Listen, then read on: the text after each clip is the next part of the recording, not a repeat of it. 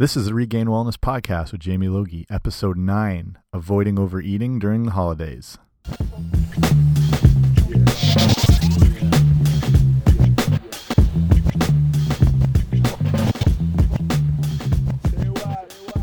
Okay, hey guys, welcome back. I'm Jamie Logie. This is the Regained Wellness Podcast, and this is episode nine.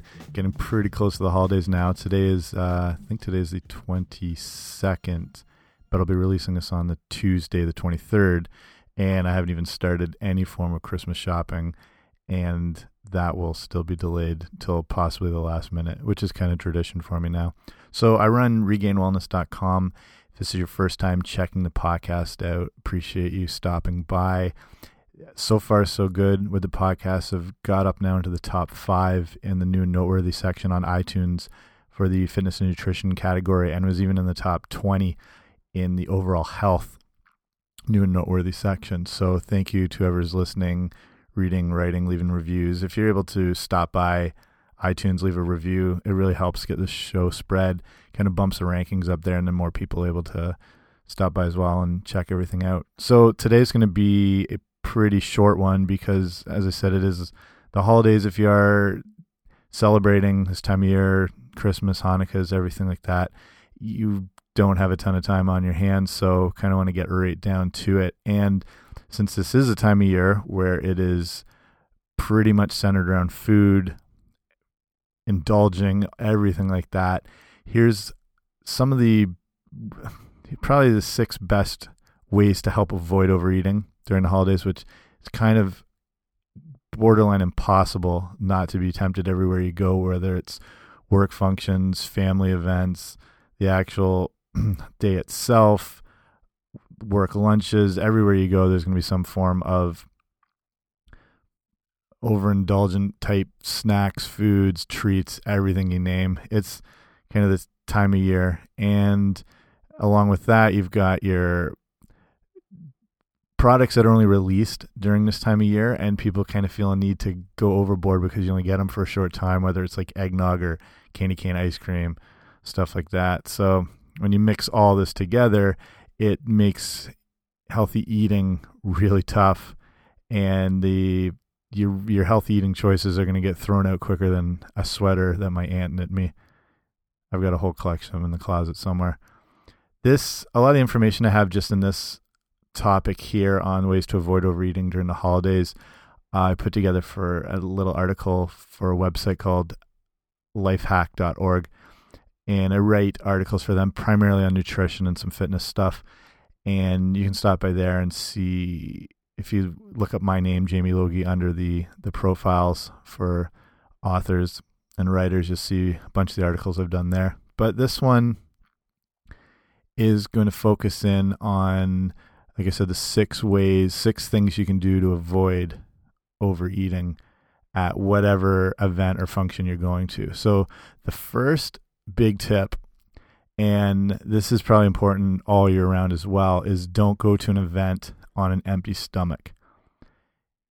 This time of year, that's going to be very crucial. And if you're going into a party or a function when you're pretty much starving, you're going to be setting yourself up for disaster.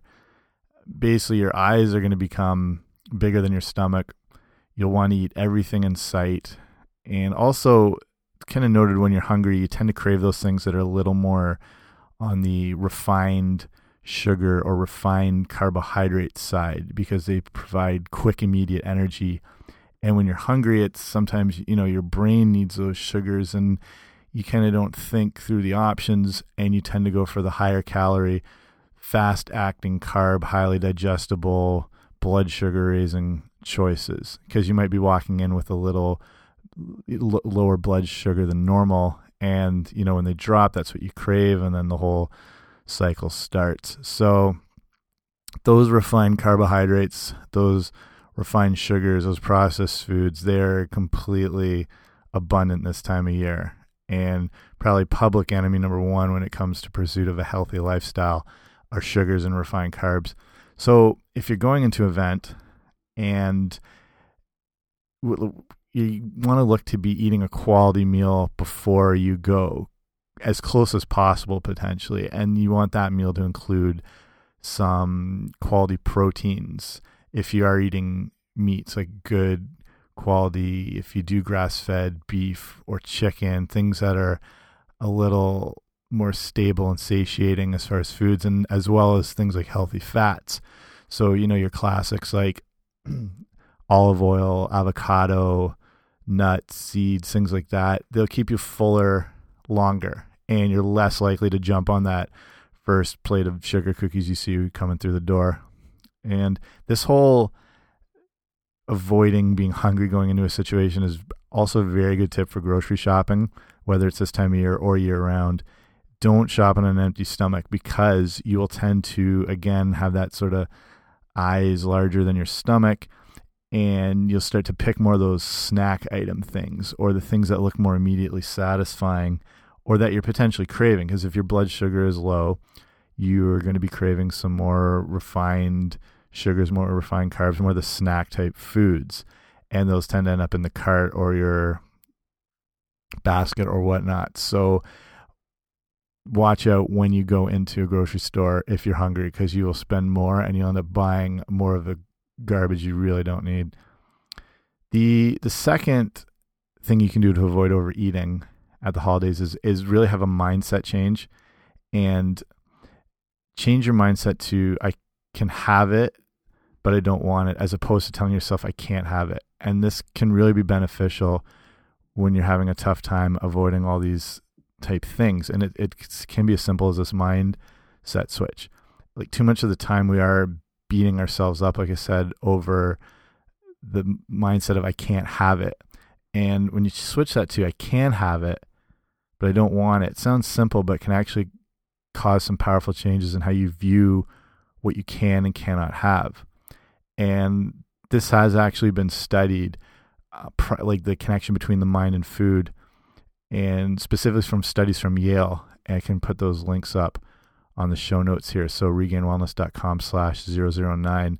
So these studies from Yale that look at the psychological factors that can actually even influence the the physical, actual biological impact of your food. The way your thought process goes can actually like alter how your body um, processes and digests some of these foods and reacts to it. And this mindset is an actual very powerful thing.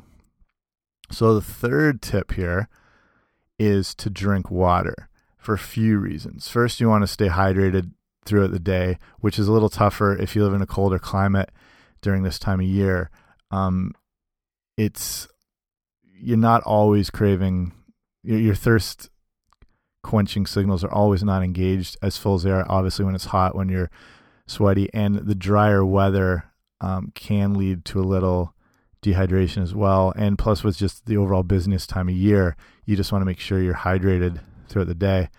And along with that sometimes hunger signals are actually mistaken for dehydration. I think more people are becoming aware of this now and that when you drink the water throughout the day you'll be you'll help alleviate this potential signal cross so that you're not getting into that state where you might be confusing the two things that you might be dehydrated and you thinking you're hungry and jump on the first whatever foods you see come through. So also if you have a glass or two of water before you hit um, like a snack table or a buffet or whatever, that'll help control like hunger a little bit too because it'll help stave off that feeling of just like wanting to stuff your face or whatnot and just kind of slowly ease yourself into it. So you're going to be able to hydrate plus give yourself a little bit of a fighting chance when you have some water. So, four kind of related as well is eating slowly. And this is important again all year round, but especially when you want to look to overeat. Basically, the feelings of fullness that the brain recognizes. You have stretch receptors on your stomach and it signals the brain that you're full. These take around 20 minutes before they're actually picked up by the brain, these these feelings of fullness. So when you eat too quickly, you override these signals, causing you to eat more than your body would naturally prefer or actually need. So since we tend to live in this rushed world and the holidays are rushed on steroids, everything is go, go, go all the time when we're too quick with our eating, we don't give those satiation signals a chance to work. So when you slow down your eating, it'll help you avoid eating more than you actually need. So, a few ways to do this. Best way is keep an eye on the clock, obviously. Focus on your chewing, really, you know, chew thoroughly. You've heard mm, there's different theories on how many times you should chew before you swallow. You know, there's up to 20, 21. The idea is you don't want to just take two big bites, hack it, and get it down. Take your time chewing, chew it thoroughly. also help with the digestion process and let your salivary amylase and everything like that work how it's supposed to. People who chew longer ultimately take longer to eat and report feeling fuller. And you also eat around 10% fewer calories eating slower as opposed to rushing this slower eating will also help digestion, like I was saying, and avoid feelings of cramping and discomfort when you sort of force your body to just digest and process what you've thrown at it full on. Fifth thing you can do to help avoid overeating, focus on protein. If it's impossible to avoid all the baked goods and desserts on offer, at least try to consume protein before you dive into them. Eating protein prior to the ingestion of sugars is going to help reduce and minimize a, little the, those blood sugar spikes. The protein helps slow that release of the blood sugar. Protein's also helpful in making you feel full. So you got a kind of nice combination with those two things. The foods, when you're talking about fullness, the foods that best promote the feelings of fullness, which we call satiety, they contain protein and then things like water, fiber, healthy fats. And protein also increases your metabolism as it requires calories in the digestion and absorption of it, which is a process called thermogenesis. Protein sources in the form of things things like nuts and seeds are usually plentiful during the holidays. You'll always find things like cashews or almonds, hazelnuts, pecan, all sorts of things like that. And they'll help you a little in overeating any refined sugar and high glycemic choices. So starting the night off with those sources of protein will really help the overeating in the long haul.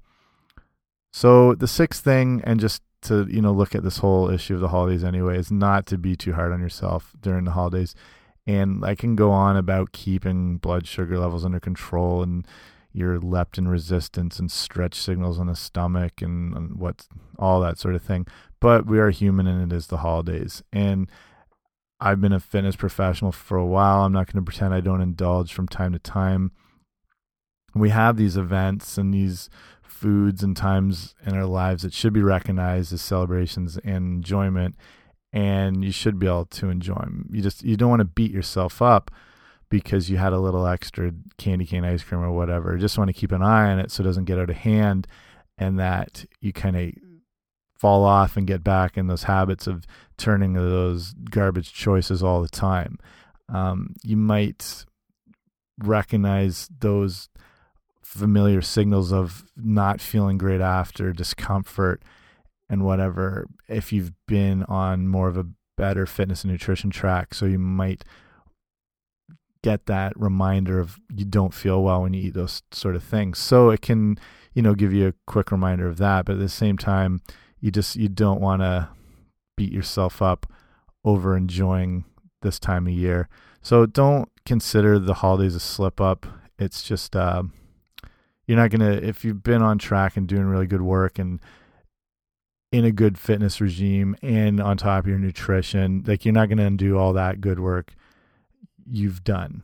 So it's just like I, i'm always saying about progress and not perfection and this time of year is no exception. You want to keep a reminder of those little tricks and mindsets you can do when you're going in and then, you know, if you have a little too much at one time, not to beat yourself up over it and know you're going to get back into the swing of things whenever possible. So that's just a quick one today, and hopefully just to arm you with some more information as you face this time of year as we go into Christmas, into the new year. There's quite a lot coming at you. So thanks for listening. Remember to stop by regainedwellness.com. You can see everything I'm doing there articles, blogs, guides, everything like that. If you celebrate Christmas, have a great one. Happy Hanukkah to all my friends as well. Two, we'll probably do another short episode coming up on Friday, maybe Saturday, even though it's just after Christmas. and then one next Tuesday as well if you're listening. So thanks for everything, and we'll see you soon. Bye.